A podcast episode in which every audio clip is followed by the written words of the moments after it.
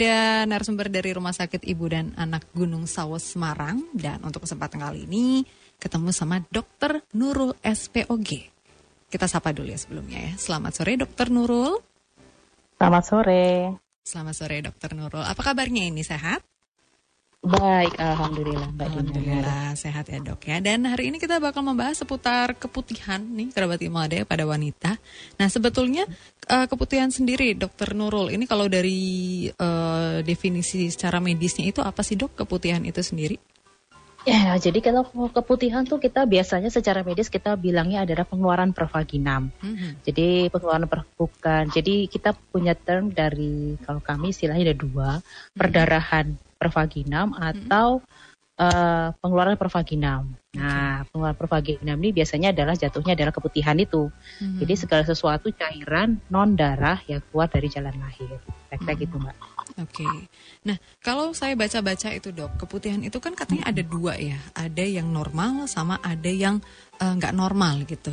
Nah, ini bedanya ya. sendiri apa sih dok antara dua ini gitu yang normal bagaimana, yang nggak normal itu bagaimana itu dok? Ya, jadi yang namanya perempuan itu sebenarnya memang selalu ngalamin keputihan ya. Mm-hmm. Jadi uh, so, uh, ini ada termasuk hal ada keluhan yang sering datang di tempat praktek. Gak hanya dokter kebidanan kandungan saja sih sebenarnya, tapi juga dokter umum sering juga tuh dapat keluhan saya keputihan dok. Hmm. Jadi kita kapan kita bilang keputihan itu normal? Secara general adalah mestinya keputihan itu kalau normal itu adalah dia tidak berbau. Oke. Okay. Ya, jadi uh, uh, secara umum dia tidak berbau, warna tidak gatal, tidak panas. Tidak bau, jadi, tidak uh, berwarna. Gatal, uh -uh.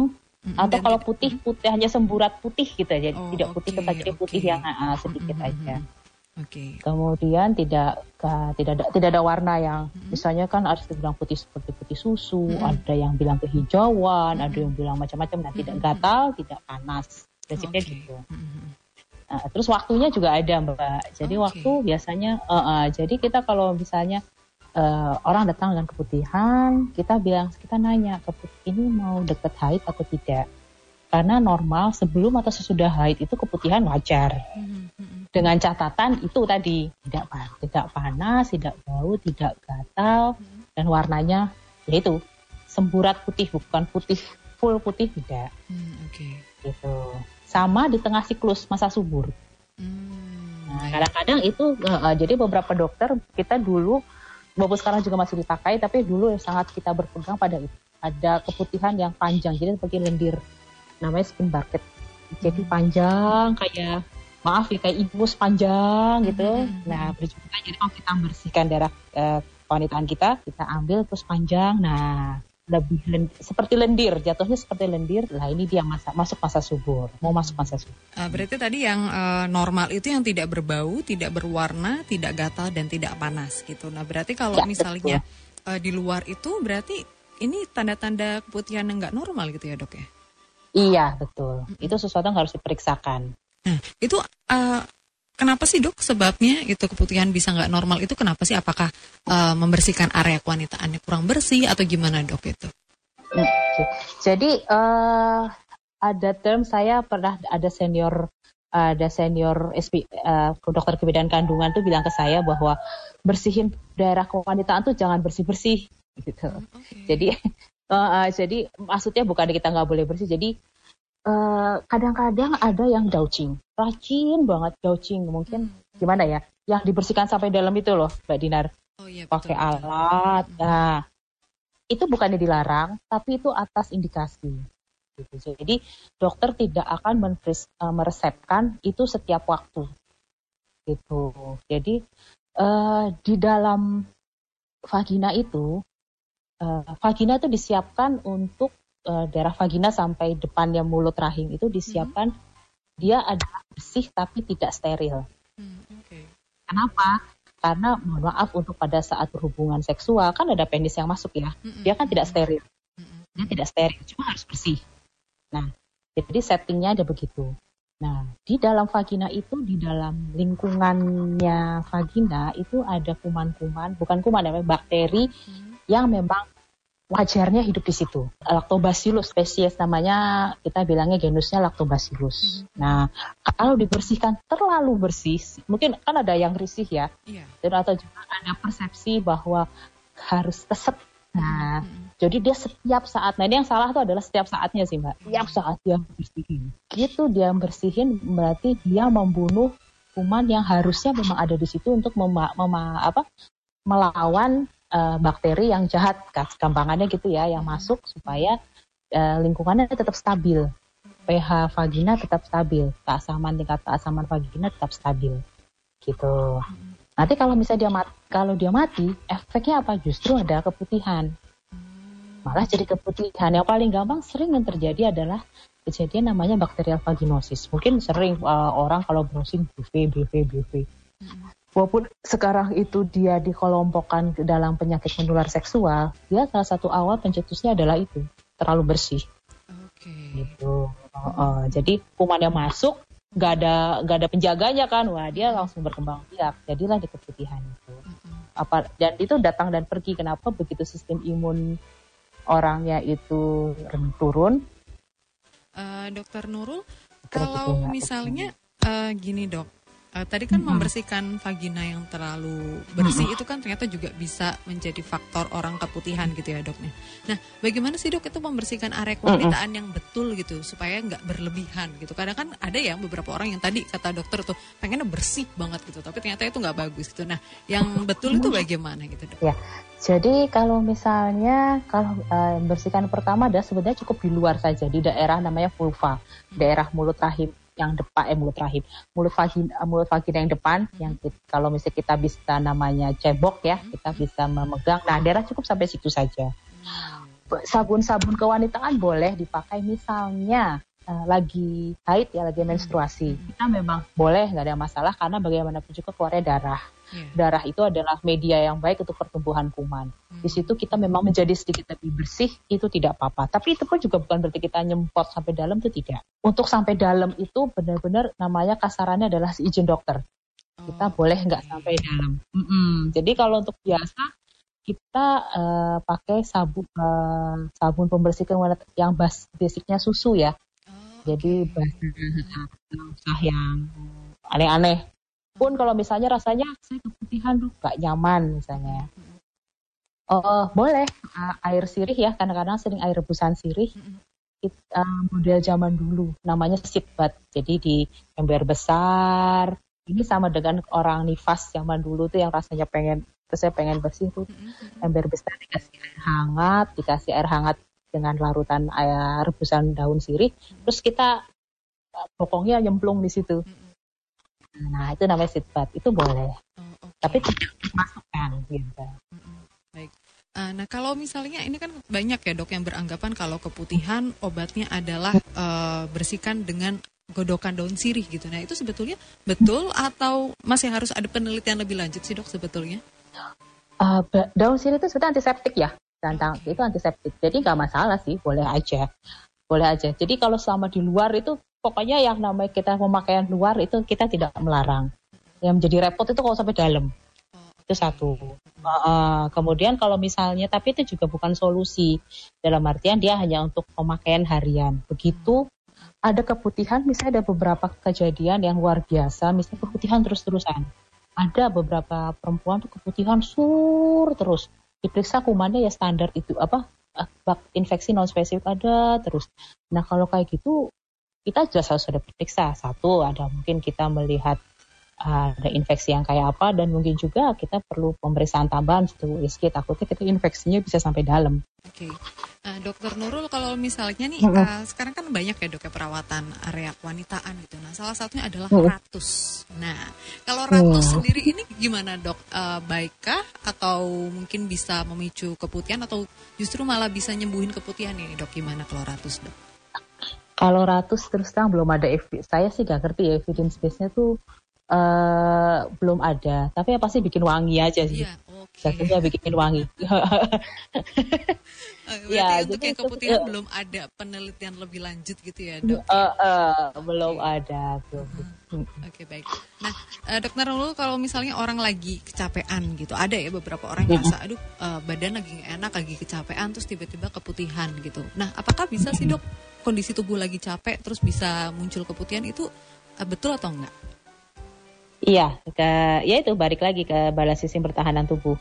Uh, kemungkinan jadi uh, vagina lendir-lendir uh, vagina dia akan mengeluarkan uh, apa suatu zat satu ya gambarnya gambarnya lendir ya untuk uh, mempertahankan kondisi tubuh yang turun sistem imunitas itu nggak uh, apa-apa sih kalau itu nggak masalah. Oke, asalkan tadi ya dok ya keputihannya tidak berwarna, tidak berbau, tidak gatal dan tidak panas gitu. Nah, Betul. Kalau, nah kalau misalnya ada orang yang uh, keputihannya itu pada pada saat kondisi dia lagi nggak fit atau mungkin setelah menstruasi gitu, tapi keputihannya ada warnanya dok, putih atau cenderung ke kuning, tapi dia tidak ada uh, keluhan bau, gatal atau panas. Itu gimana dok? Nah kalau habis haid kan nggak apa-apa mbak, makanya saya bilang putih. Mm-hmm karena uh, putih tidak berwarna. Yang sering kalau misalnya itu sering terjadi, mm-hmm. sering terjadi biasanya kita saya kita akan menyarankan coba deh diperiksa. Mm-hmm. Seringnya yang ketemu adalah yang tadi saya bilang bakterial vaginosis. Mm-hmm. Seringnya gitu. Seringnya gitu. Uh, tidak harus dia douching bersih, tapi saya nggak bersihin dalam-dalam kodok. Ya, beberapa kada sering terjadi adalah yang tadi Mbak Dinar bilang, saya kecapean, sering keputihan. Begitu terjadi imbalans hormonal, uh, kasar ada yang bakteri yang di situ kalah sama yang kuman yang lebih di dari dari luar. Nah, biasanya keluar tuh bakterial vaginosisnya itu. Hmm, okay. Jadinya warnanya biasanya memang keluhannya adalah uh, putih ke apa agak kekuningan dan biasanya suka ada kalau itu suka biasanya suka mereka mencium sedikit amis mbak kadang-kadang hmm. walaupun tidak selalu kalau kayak gitu memang biasanya kalau memang keluhannya tuh dari kalau sebulan kita biasa udah dilihat dulu. Tapi kalau sudah tiga bulan empat bulan masih begitu biasanya bikin stain di celana dalam ya bekas di celana dalam itu. Kita akan menganjurkan untuk periksa. Hmm, apalagi ya sudah seksual aktif Oke. Nah kalau misalnya keputihan ini di uh, diemin gitu dok, karena kan mungkin ada beberapa orang ya cuek aja lah gitu kan. Toh juga nggak ngaruh apa-apa ke badan, maksudnya nggak bikin jadi lemes jadi apa, terus akhirnya dicuekin sampai lama banget gitu. Nah ini uh, efeknya gimana sih dok sama tubuh sendiri gitu? Ya, jadi kalau misalnya infeksi ini dibiarkan, pertama kan infeksi itu hanya ada di vagina ya, di vagina, mulut rahim dan vagina. Jika tidak dibiar, jika dibiar tidak diobati dan ini benar-benar bukan segala bukan infeksi ringan, ada bakteri yang benar-benar yang ber, bersarang di situ, dia akan naik infeksinya. Jadi bisa naik ke rahim, bisa naik ke tuba, saluran lindung telur, yang kita sering sebut namanya hidrosalping. Okay. Nah, kalau hidrosalping itu nanti efeknya apa? Jadi saluran indung telurnya bengkak.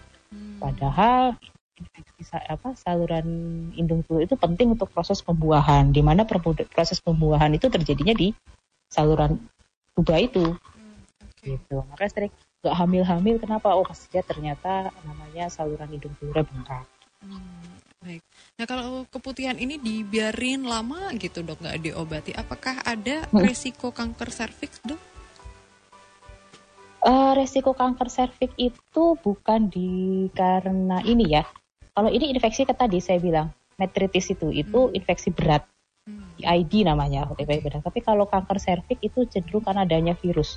Kanker serviks itu disebabkan oleh virus HPV, oh. Human Papillomavirus. Jadi lain sih. Sama-sama tidak menyenangkan. Kalau misalnya keputihan, biasanya kita efeknya apa kalau ditanya kayak pertanyaannya Mbak Dinar tadi? Hmm biasanya saya jawabnya adalah kalau dia belum hamil mungkin akan jadi sulit. Hmm. Jadi sulit untuk hamil. Gitu. Okay. Baik. Nah kalau misalnya ada ibu yang sedang mengandung nih dok, itu sebetul uh, sebelumnya nggak pernah punya namanya keputihan gitu, tapi setelah dia hamil terus keputihan, mungkin kan agak panik gitu ya dok. Aduh ini keputihan gimana nih gitu ya? Gimana dok? Normal atau enggak sih ibu hamil ini mengalami keputihan dok? Normal mbak jadi keputihan karena orang pada orang hamil itu hmm. dia suhu tubuhnya lebih tinggi dari orang normal. Okay. Dia akan menjadi lebih hangat. Hmm. Sehingga kalau dia lebih lebih hangat, berarti daerah kualitas dia juga menjadi cenderung lebih lembab. Oh, Oke. Okay. Ya, lebih lembab sehingga untuk pertahanan dia akan memproduksi vagina akan memproduksi cairan. Satu. Hmm. Terus yang kedua, begitu kalau lembab, kalau kulit lembab temennya apa? Jamur, Mbak. Hmm. Pasangan klop gitu ya, Dok ya. Uh, lembab, basah, uh-huh. terus kita pakai celana terus kalau kayak gitu sering jarang kan kita ganti celana biasanya kasih diiring dengan mandi aja ya berarti sehari dua kali gitu. Ada beberapa malah mandi sehari sekali gitu kan, wah itu wah ya jelas itu biasanya seringnya adalah kandidosis kandida jamur. Oke. Okay. Berarti normal ya dok ya kalau misalnya wanita mm -hmm. sedang hamil ini mengalami keputihan. Tapi asalkan putihannya mm -hmm. tadi ya dok ya yang tidak yang normal ya dok ya tidak bau, tidak berwarna, tidak gatal dan tidak panas gitu. Nah tapi kalau misalnya ternyata keputihannya mengarah ke abnormal gitu dok, ini gimana? Apa yang harus dilakukan sama ibu hamil ini dok? Kalau ya misalnya kayak jamur gitu ya, mm -hmm. biasanya kita kita kasih obat, kita kasih obat uh, uh, harus kembali ke keputihan yang biasa. Maksudnya keputihan yang cenderung bening. Putih ya bening banget ya nggak mungkin ya mbak dicari di survei juga orang keputihan bening-bening itu ya nggak ada. Pasti akan ada keputihan. Uh, tapi harus dikembalikan ke keadaan itu. Kenapa? Karena kalau begitu ada infeksi di daerah jalan lahir, itu akan mempengaruhi kehamilan soalnya. Nah, jadi kita harus menterapi. Dokter ini kita jawab dulu pertanyaan yang sudah masuk di WhatsApp dok ada Mbak Cika yang ada okay. di Ungaran ini mau tanya apakah pemakaian IUD uh, eh, ini bisa menyebabkan keputihan gitu dok? Oh ya, iya jawabannya adalah iya. Okay. Jawabannya adalah iya bagaimanapun juga dia adalah benda asing, hmm. benda asing yang dimasukkan ke dalam tubuh. Hmm. Tapi tidak usah khawatir, kuat uh, tidak semua keputihannya itu berarti apa keputihan terjadi itu bukan berarti langsung yang tadi saya bilang jelek ya. Mm-hmm. Uh, uh, uh, itu uh, keputihan itu termasuk namanya kayak saya sebutkan tadi keputihan itu adalah respon tubuh terhadap benda asing yang ada. Bisa benda, bisa bakteri. Mm-hmm. Dia akan uh, begitu ada dia akan mengenali dengan mengeluarkan. Nah makanya kalau orang pakai IUD, kami itu selalu menyarankan untuk periksa pap smear paling pap smear atau pemeriksaan namanya inspekulo kita melihat langsung secara direct ke mulut rahim dari bawah, bukan bukan operasi ya, kita dari bawah untuk melihat keadaan kesehatan uh, dan vagina. Setiap paling nggak setahun sekali. Itu wajib. Malah jadinya kalau saya selalu bilang kalau orang pakai IUD itu jadi karena terpaksa begitu malah jadi kalau menurut saya jadi aman. Kenapa? Karena kita bisa lihat ada keputihan atau tidak. Biasanya kita juga sekalian pap smear. Jadi sekalian menjalankan screening CA cervix gitu. Okay. Yang sering terlupa oleh para sebagian besar perempuan di Indonesia. Hmm, nah itu dia ya. Baik Mbak Cika di Ungaran sudah uh, terjawab ya pertanyaannya gitu. Semoga sudah uh, rasa penasaran udah hilang kayak gitu. Nah lanjut lagi dokter ada pertanyaan dari Sonia di Anjas Moro nih. Uh, pernah dari siapa? Uh, Sonia. Sorry. Di, oh iya iya. Mbak iya. Sonia di Anjas Moro ini pen, uh, jadi sebetul sebelumnya itu dia pernah uh, kayak ceritalah ke teman gitu kan saya keputihan nih gini gini gini gini nah kebetulan ke hmm. temannya ini juga pernah ngalamin hal yang sama kemudian diobatin sendiri dok dengan antibiotik yang hmm. dibeli di apotik gitu nah akhirnya mbak Sonia hmm. ini coba uh, hasilnya bagus sih gitu keputihannya hilang gitu tapi selang beberapa hmm. lama setelah itu muncul lagi gitu nah ini kenapa dok gitu ya jadi kenapa kita sekarang uh, uh, antibiotik itu rulesnya agak ketat karena hmm. jika tidak diberikan dengan pemberian yang tepat, hmm. yang ada ada terjadi resistensi kuman, okay. resistensi bakteri. Hmm. Yang ada yang terjadi adalah superinfeksi. Superinfeksi itu menjadi obat si antibiotik ini tidak mempan. Hmm. Seharusnya mempan, jadi tidak mempan. Hmm. Kenapa? Biasanya adalah sering kesalahannya biasanya kan itu nuruti resep ya resep hmm. kemarin atau resep temannya dapat segitu padahal kan ada jumlah. Jadi pemberian obat itu sebenarnya adalah selain frekuensi, kita berhitung juga dengan berat pasien dan juga jenis infeksi. Kita akan berikan berapa lama, gitu. Bagaimana cara pakainya? Biasanya kan dokter akan beri ngasih antibiotik itu dengan segala pesan. Ini cara pakainya begini, begini. Itu yang begini-begininya itu yang sering adalah tidak terle tidak tidak dianggap penting oleh si pasien apa orang si orang yang memberikan resep itu ke orang lain lagi hmm. gitu. Baik. Berarti kalau ngobatin ya. keputihan sendiri oh, oh. gitu jangan ya dok ya? Oh, oh, kita takutnya malah super infeksi sih.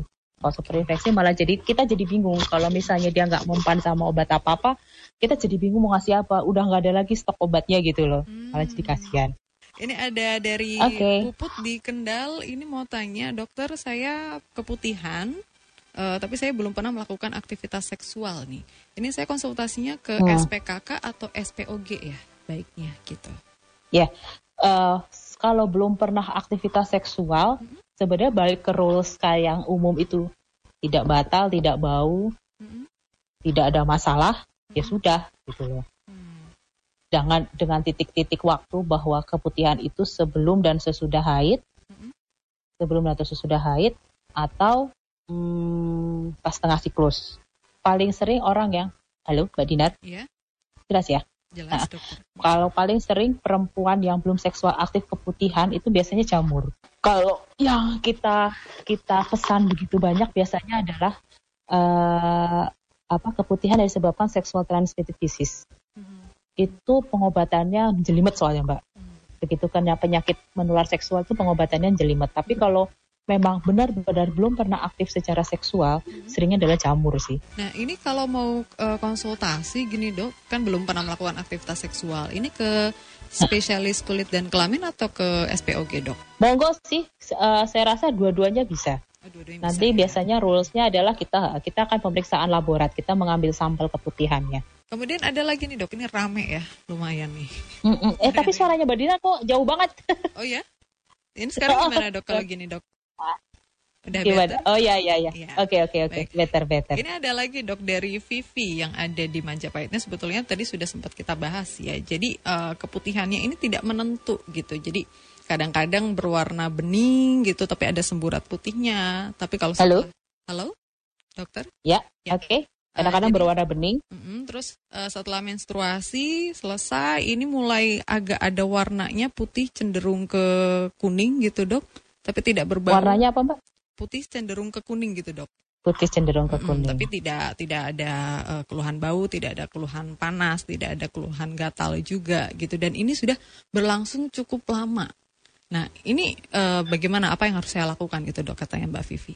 Kalau bisa berlangsung lama, kita sih tetap aja namanya pemeriksaan. Ini kan benda ya kita ngelihat biasanya kita akan melihat ini udah seksual aktif belum? Belum ya? Belum nih katanya dokter. Kalau belum sih monggo dilihat aja. Sering uh, kalau misalnya kayak begini keputihan yang on off itu bisa radang spesifik. Biasanya saya tuh seringnya adalah kalau periksa untuk pengecatan gram namanya kita ngambil lendir mm-hmm. kita periksakan ke laborat nanti kita lihat hasilnya mm. biasanya keluarnya sih akumannya sedikit ada ini sini nah kalau kayak gitu biasanya saya sering paling gampang menyarankan kepada perempuan yang memang sehat secara reproduktif mm-hmm. saya minta suruh minum anu mbak lactobacillus alias kita makan konsumsi yogurt oh oke okay. Karena bakteri baik ya dok ya isinya dari yogurt itu ya. Mm-mm, jadi bukan minuman yang itu ya kan ada minuman kecil mm-hmm. yang isinya lactobacillus ya. Depannya itu iya, bukan itu. Ya, itu ya. uh, ah. Depannya iya, dia yang nggak boleh disebutkan. Enggak, itu soalnya belakangnya beda. Sama-sama lactobacillus, uh tapi belakangnya beda. Oh iya. Dia uh, uh, sama-sama lactobacillus, tapi strain belakangnya yang beda. Hmm jadi okay. dia tuh memang di, di si, si itu itu uh adalah untuk usus. Oh baik. Jadi uh -uh. beda. Uh, jadi saya biasanya adalah mintanya yogurt. Tapi ya memang namanya supportive treatment itu tidak bisa kita lihat instan. Hmm. Kita akan bilang ya monggo dilihat selama tiga bulan ke depan. Tiga bulan ke depan. Terus kalau memang menurut saya kalau misalnya rambut daerah kubisnya itu sedikit lebat boleh ditrim. Okay. Itu satu. Hmm. Terus lebih sering mengganti celana dalam. Biasanya itu. Itu akan menjadi lebih baik sih dengan dengan asupan lactobacillus, kemudian uh, melebihkan intinya adalah kering. Hmm. Begitu kering, ya itu dia akan lebih baik. Biarkan keluhan itu akan berkurang jauh. Hmm. Okay. Bahkan bisa hilang. Untuk gimana, penggunaan gimana? pentiliner nih dok, ini kan kadang-kadang bisa uh, uh. orang berpikir ini jadi solusi gitu kalau lagi keputihan pakai pentiliner hmm. kayak gitu. Nah penggunaan pentiliner sendiri ini gimana dok? Apakah bisa memicu uh, keputihan? Terus kan ada yang bilang katanya pentiliner itu diganti atau maksimal dipakai 4 jam. Itu itu benar gak sih dok? Iya, sama. Itu dia. Mm -mm.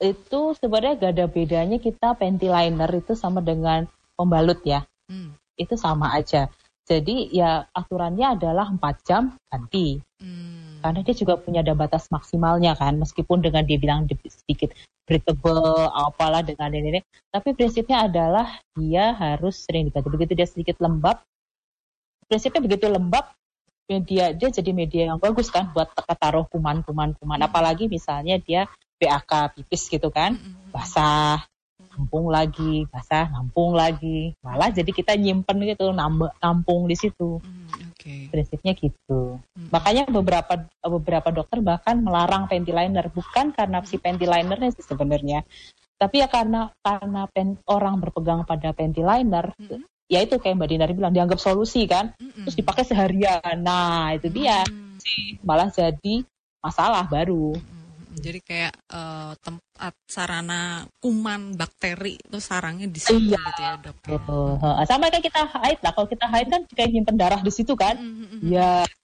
masuk darah di situ. Nah di situ sama sih kurang lebih sama. Oke. Okay. Dan ini satu lagi ya dok ya dari Bu Ana di Lempong Sari nih. Uh, sebetulnya sudah dibahas tadi tapi nggak apa-apa ini uh, kita bahas lagi ya dok ya. Amankah air godokan sirih untuk membersihkan area kewanitaan? Tapi ini digunakannya sehari-hari dok gitu. Jadi mungkin setiap hari. Boleh bu. Gak apa-apa Bodokan ya. sirih asal asal udah dingin ya. oh ya jangan panas ya. Panjang itu, jadi nggak aman itu. Godokan hangat itu nggak apa-apa, ah, nggak oh, okay. masalah. Okay. Tapi kalau panas gak, jangan. jangan. Biasanya memang kita mintanya hangat lebih nyaman kan. Sebenarnya kan begitu hangat kan lebih nyaman. Gitu. Ini nggak bikin ya, kering. Tapi jangan panas. Nggak bikin kering dok. Kenapa? Nggak bikin kering air godokan sirih ini dok uh, air godokan sirih kalau misalnya sebenarnya kalau nggak ada keluhan sebenarnya ngapain sih? Hmm. tiap hari kan kalau misalnya dia ngerasa oh, oh sebenarnya kita sesuatu yang berlebihan kan ya nggak nggak baik ya. Hmm, hmm, kalau misalnya nggak ada keluhan baik-baik saja tidak usah untuk pencegahan. Ya enggak. Pencegahan kita hidupnya sehat. Kalau pencegahan supaya tidak keputihan ya dijaga celana dalamnya dan daerah kewanitannya kering. Hmm. itu pencegahan. Hmm. gitu. Okay. bukan dengan segala macam yang lain-lain itu sih. Hmm. tapi kalau ngerasanya apa uh, gak gak nyaman kesel apa kurang itu ya supaya kita kita nggak soalnya gini kalau antiseptik itu biasanya nanti kan kita mestinya jangan terlalu asam harus pH-nya netral ya Betul. mungkin udah sering udah banyak yang browsing ya mm -hmm. jadi antiseptik itu biasanya akan mempengaruhi keasaman dari vagina mm -hmm. gitu jadinya kalau bisa ya ya kalau mau sih tidak dilarang tapi juga tidak dianjurkan gitu loh Mbak Dinar. Oh, baik. Boleh lah gitu. sesekali gitu. boleh mungkin pada saat ada keluhan tapi kalau setiap hari dipakai mungkin karena pengen bersih itu dok tapi jangan ya itu malah jadi berlebihan gitu. Ya, iya, ya, iya makanya pakai terus kembali ke mindset bahwa tidak bukan berarti kalau uh, misalnya pada yang suap, pasangan suami istri minta bilangnya keset keset gak gitu gitu loh maksudnya. Mm. Jadi adalah kalau misalnya yang kata kategori keset di kami adalah kemampuan uh, kontraksi dari dinding vagina, mm-hmm. bukan keringnya. Okay. Bukan keringnya. Kalau kering tuh yang ada nanti kalau hubungan seksual si istri kesakitan, mm. gitu. Mm-hmm. Jadi uh, kan untuk hubungan seksual tetap nanti kita ada fase lupa. malah jadi ngomong ini ya. dok. Bocoran dikit gak apa-apa dok. Kasih aja. Jadi ya kan tetap ada fase lubrikasi. Mm-hmm. Lubrikasi adalah supaya penetrasi penetrasi penis suami itu lembut dan tidak menyakitkan. Karena mm-hmm. kalau misalnya tidak ada lubrikan, mm-hmm. itu malah si perempuan akan kesakitan. Mm-hmm. Gitu.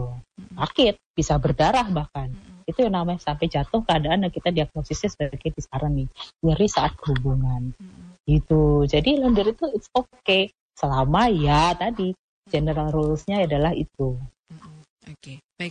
Dokter, karena yang dibilang keskep itu kontra. Apa ya, sorry? Iya, dokter dulu karena e, sebetulnya panjang masih ngobrol masih panjang banget pengennya begitu, Dok. Tapi karena oh. waktunya udah mepet ini. Oh ya, oke, okay, oke. Okay. Boleh dokter Nurul dikasih e, apa ya kayak resume gitu yang sudah kita obrolin sore hari ini, dokter. Okay. Silahkan. Ya, jadi keputihan ada yang normal dan tidak normal. Hmm. Prinsip dasarnya adalah keputihan itu terjadi pada waktu-waktu tertentu sebelum dan sesudah menstruasi hmm. atau pada masa subur. Hmm. Mulai diwaspadai jika keputihan itu berlangsung sepanjang waktu setiap saat tidak memandang siklus haid hmm. dan jika ada keluhan tambahan misalnya hmm. berbau amis, berbau busuk hmm. atau terasa pedih atau panas. Jika ada keluhan tersebut maka sebaiknya uh, segera uh, berkonsultasi ke dokter untuk hmm mengetahui masalah yang sebenarnya. Hmm, Oke, okay, baik. Terima kasih Dokter Nurul sudah ya. sharing ya. di sore hari ini seru banget ya. Sayang waktunya cuma dikit sih ya. Oke. Okay. Nanti lagi bisa ketemu lagi ya dok ya dengan uh, topik okay. atau tema bahasan yang lain. Terima kasih Dokter. Nurul. Ya. Selamat sore. Sama-sama Mbak Dinar. Sore.